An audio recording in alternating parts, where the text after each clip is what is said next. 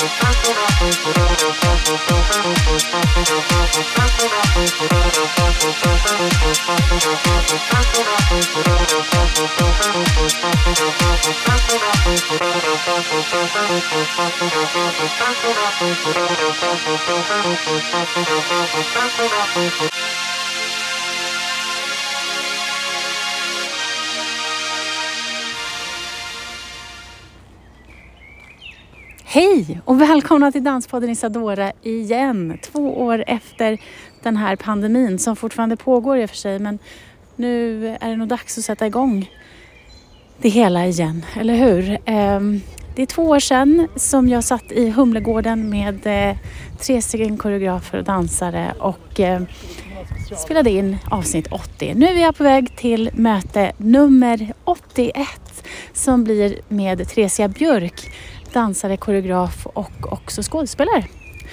Skulle jag nog säga. Eh, för ett år sedan så skulle vi ses och då skickade hon mig en bok som jag läste då men som jag ska fråga henne lite mer om nu för det är inget jag har i färskt minne. Jag ska också fråga henne om Gotland och residenset som hon har där och eh, ja, men hur hon ser på dans och skapande utav dans. Ja, vad är det för dans som hon gör egentligen? Och vet du mycket om henne? Ja, det är frågan. Jag går i alla fall. Vi ses inne i avsnittet. En av de bra delarna tycker jag med pandemin just mm. att vi i den situationen vi var så bara bestämde vi oss att ja, men vi gör något enkelt, vi gör någonting som vi kan göra bara vi två. Mm. Vad kan vi vara? Jo, vi kan vara utomhus. Mm. och så valde vi olika urbana miljöer. Mm. Och eh, det är helt och hållet Eitans idé eh, och jag har varit eh, medspelare helt enkelt i den vad ville, ni, vad ville ni med filmen? Eh, ja, alltså filmen handlar ju egentligen om the struggling woman på något sätt. Ja. Eh, men också med något visst ljus i eh, synhåll liksom. Och just det här att vad jagar vi efter egentligen? Och, eh, det finns en massa andra meningar med filmen också. Men, mm. men eh, ett porträtt av eh, kvinnan kan man väl säga att det är i, i allra högsta grad. Men det är ändå kopplat till pandemin? Så. Det är nog kopplat till alla möjliga olika eh, pandemier och eh, händelser i livet i världen. I, eh, ja, generellt skulle jag vilja säga. Men pandemin utlöste väl också att det blev möjligt att göra på det sättet. Mm. Vi var ju helt ensamma ibland mitt i stan liksom, för att det var ju inte en kotte ute. Liksom. Nej. Men frigjorde det tid också? för er att göra det? Jag tänker ja. att var det inställda Ja, inställt arbete och sen också mm. att eh, vi tog oss nog tiden också på ett annat sätt. Därför att vi eh, såg att det är nu vi kan göra det här. Mm. Eh, även om vi hade väldigt mycket i pandemin också mm. så var det ändå så här, när har du två timmar? Ja, vi tar de två timmarna på torsdag. Och så uh, ut ja. liksom. Det att göra så. ja, så vi gjorde så liksom. Mm. Eh, vid ett antal tillfällen. Så vi höll på eh, egentligen under hela pandemiåret. Mm. Och så blev den klar i januari, februari i år. Mm. Och sen ut. Liksom. Ja, ja. Okay. Du, vi skulle ju setts för ungefär ett år sedan. Ja. och så av olika skäl så har det inte blivit av. Nej.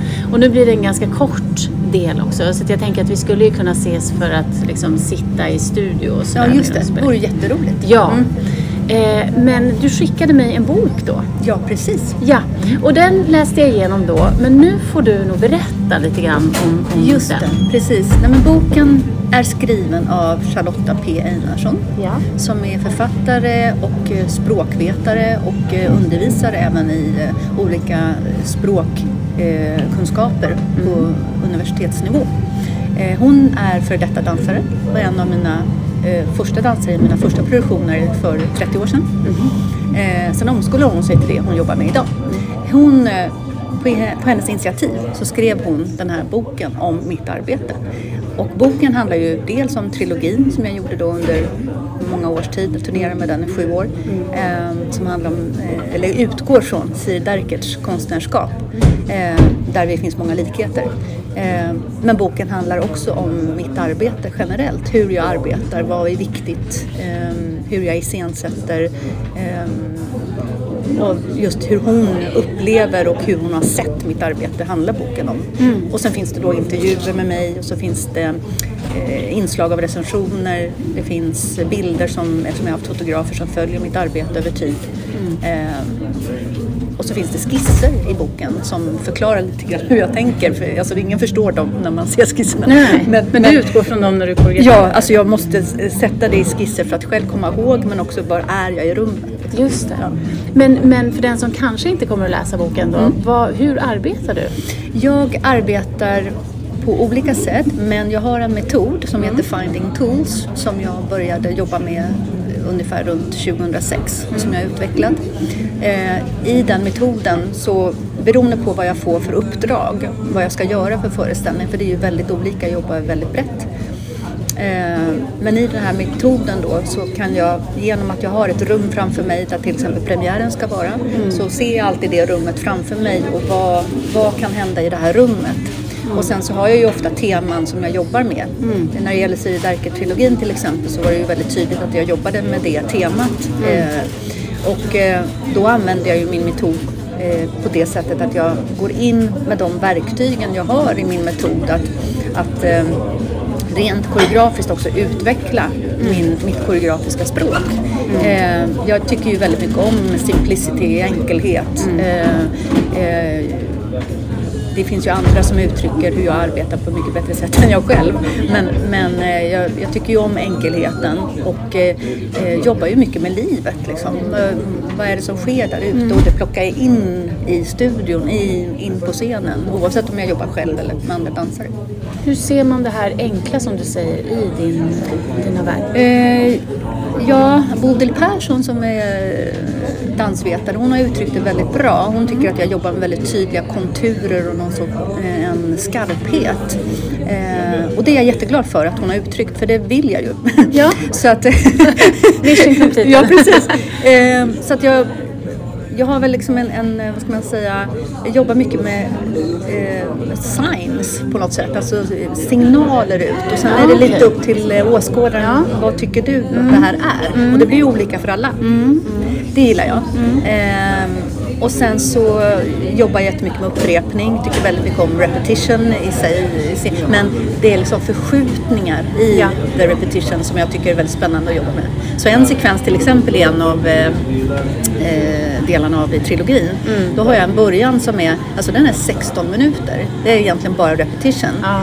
Eh, och eh, tanken är ju då att det inte ska upplevas som 16 minuter. Och det är det som, för mig är det jättelångt. Jag förstår inte varför jag gör en så dum grej. För Nej. det är jätte, jättelångt ja. och den är i tystnad. Mm. Eh, men publiken som ser den, ja. de sa efteråt så här, va? Är den 16 minuter?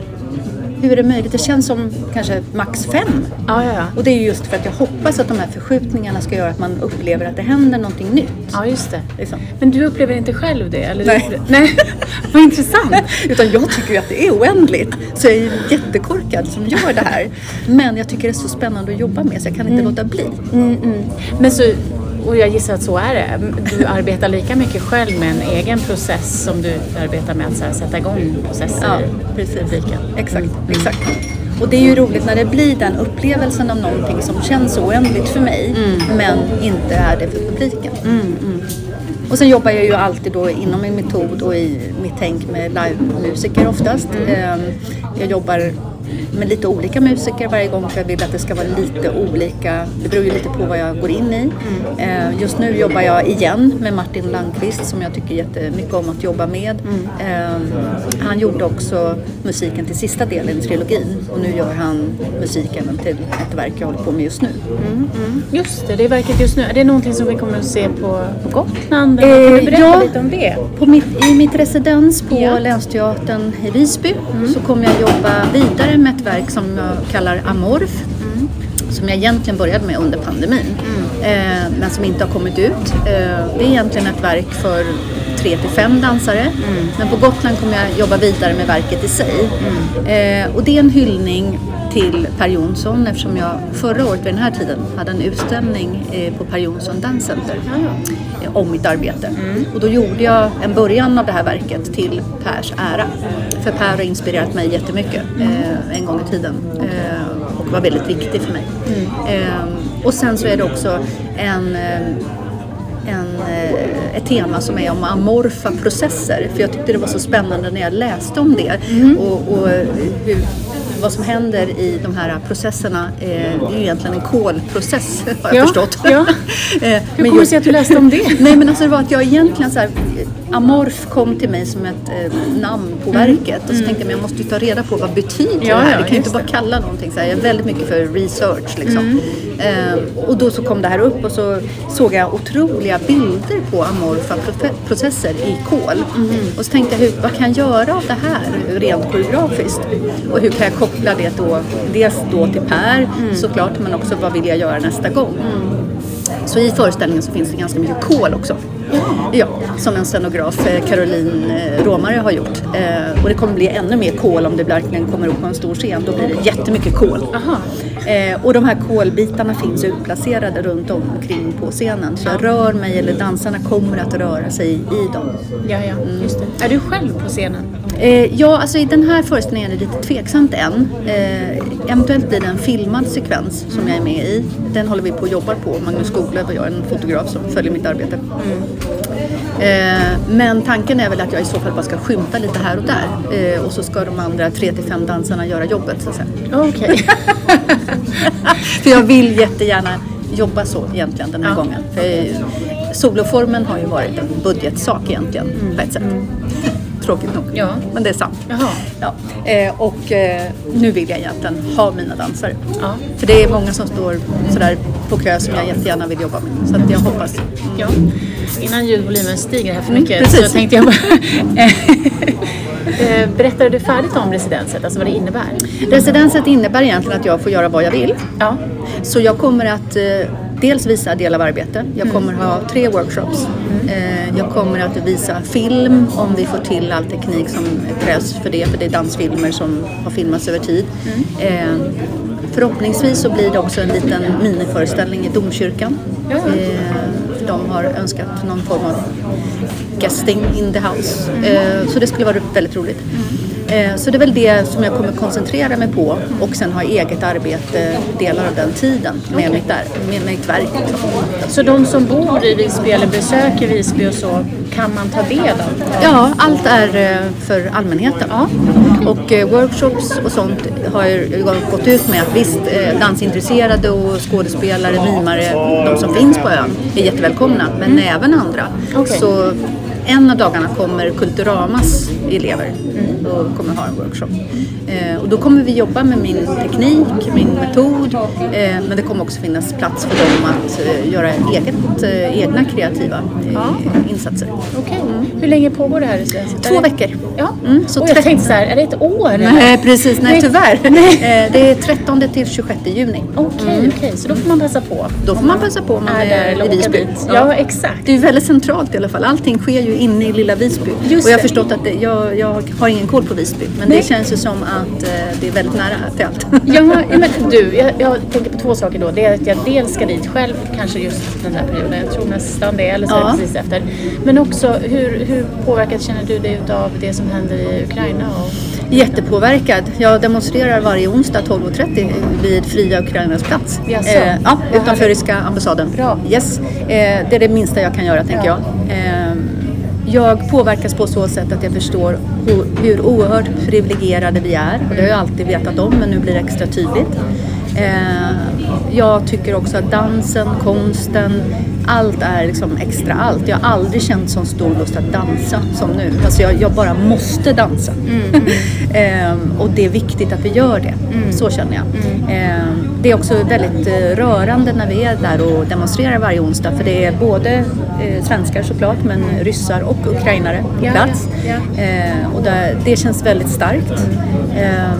Ehm, och sen framförallt, det märks ju i, i hela vår omvärld hur vi påverkas av krig. Ja, ja. Ehm, det jag tycker är lite knasigt med det här det är ju att det alltid har varit krig. Alla möjliga olika krig. Ja. Eh, bara för att det är lite närmare oss så ska vi inte tro att det här är liksom något nytt. Nej. Det blir jag lite provocerad av. Ja. Så. Eh, och det har ju också pågått länge i Ukraina. Ja. Så det är ju inte liksom nytt för dem. Nej, nej. Eh, sen är det ju fruktansvärt hur liksom, några personer i Ryssland kan bestämma att det ska se ut så här i flera, hur lång tid vet vi ju inte. Nej. Men nu är det flera månader. Ja, ja. Någonting som några kanske trodde skulle vara klart på fyra veckor. Inte minst Putin själv. Nej, vad trodde han? Tre dagar eller? Ja. Ja. ja. Så eh, det är ju också eh, det, det sätter igång många parametrar och eh, jag jobbar ju alltid utifrån i mitt skapande just utifrån livet och, och det är klart att det här tar man med sig in eh, på något sätt. Och eh, eftersom jag alltid har velat beröra och bli berörd så är det ju liksom det, det, är klart att kriget gör ju det än mer viktigt. Att det är så vi på något sätt presenterar scenkonst. Ja, ja. Eh, så att eh, det blir väl också en del av hur det påverkar hur jag tänker och vad jag skapar och ja, vad jag vill nå. Liksom. Mm, jag förstår. Min fråga kom ju utav att du kommer att vara i Visby, om du känner någon oro för det. Men, men, eh, Nej, det gör jag inte. Jag känner Nej. ingen oro så. Jag känner egentligen ingen oro för oss i Sverige just nu. Nej. För jag tror inte liksom, det finns tid för, att, eh, för oss nu. Mm. Sen är det ju klart att eh, man ska aldrig säga aldrig. Liksom. Det är klart att det kan hända saker. Men jag tror ju precis som många påpekar att det kommer först och främst bli liksom sådana här saker som cyberattacker och de där grejerna. Eh, Men det är klart man känner sig väldigt nära eftersom man är just där i Östersjöområdet och de är väldigt intresserade av det området och de har ju redan visat att de vill Ja. provocera. exakt, jag tänker på den höjda beredskapen som är övningarna som sker. Det blir intressant tänker jag att se hur den ser ut. Det kommer jag följa. Eh, Det tänker jag också är en del av min tid där att se hur det är, hur det påverkar människor. Får jag möjligheten så skulle jag egentligen vilja intervjua människor på plats och fråga hur är det här för er i er vardag? För jag är där två veckor. No big deal. Men de som lever i det, hur känns det för dem? Är det skillnad eller inte? Ja, men verkligen. Så det skulle vara spännande. Och jag tänker att det är sådana här saker som kanske kan komma upp vid ett samtal. När jag visar till exempel mitt arbete så kanske det, kan, det här kan komma upp som en del av ett samtal också. Just det. Jag tänkte att vi skulle avsluta med en cliffhanger och det är hur kommer det sig att du började dansa? Den kommer att vara så lång. Ja, den är Så jättelång. kan, om du sammanfattar det Ska här. jag börja idag? Du börjar idag och så får vi ta upp det Ja. nästa gång vi sätter oss ner. Ja, men alltså, dansen har funnits med mig så lång, lång, lång, jättelång tid. Hur lång? Eh, ja, sen jag var fem, sex år kanske. Eh, och jag kan väl säga att det drogs igång av att jag vid ett av många tillfällen när jag såg Cramérbaletten. Du såg, förlåt? Cramérbaletten. Jaha. Eh, och satt så här nära liksom. Eh, och det var ju på den tiden modern dans. Ja. Det var ju jätte, jättemycket ballett men alltså Ja. då var det modern. Eh, och då hände det någonting i mig. Eh, och jag tror att det var startpunkten faktiskt för varför jag gör vad jag gör idag. Sen hände det ju massa annat efter det. Just det, just det. Eh, Men du eh, minns det Jag minns det så väl Mm. och det var så starkt. Eh, så var det var startpunkten tror jag. Ja, minns du vad det var du kände? Alltså vad det var som drogs igång? Ja, det var, jag tror framförallt, och det är det jag verkligen har försökt att behålla och förmedla, det är ju liksom just den här styrkan och lusten som fanns i deras verk. För det var ju väldigt teatralt. Eh, jag älskade det. Eh, sen tog det jättelång tid innan jag jobbade så, men det var det som drog igång att jag måste dansa. Jag måste dansa. Det, med det så, så avslutar vi den här, det här stycket, det här kapitlet. Välkommen till Visby! Ja, absolut. Och så tar vi upp det snart igen. Så där ja. Eh, då är jag på väg tillbaka efter att ha träffat Theresia. Och eh, ja, här ska det gå undan. Nu ska det klippas och eh, så ska vi ju sända det till er. Och det har vi gjort och du har lyssnat och eh, nu vill vi ju veta vad du tycker såklart. Och jag tycker så här, hör av dig på en massa olika sätt som, som du kan och vill. Ehm, dela gärna på sociala medier och eh, fortsätt, fortsätt heja på Danspodden Isadora för nu är vi igång igen. Och eh, då säger vi hej och tack för den här lyssningen och vi hörs nästa gång.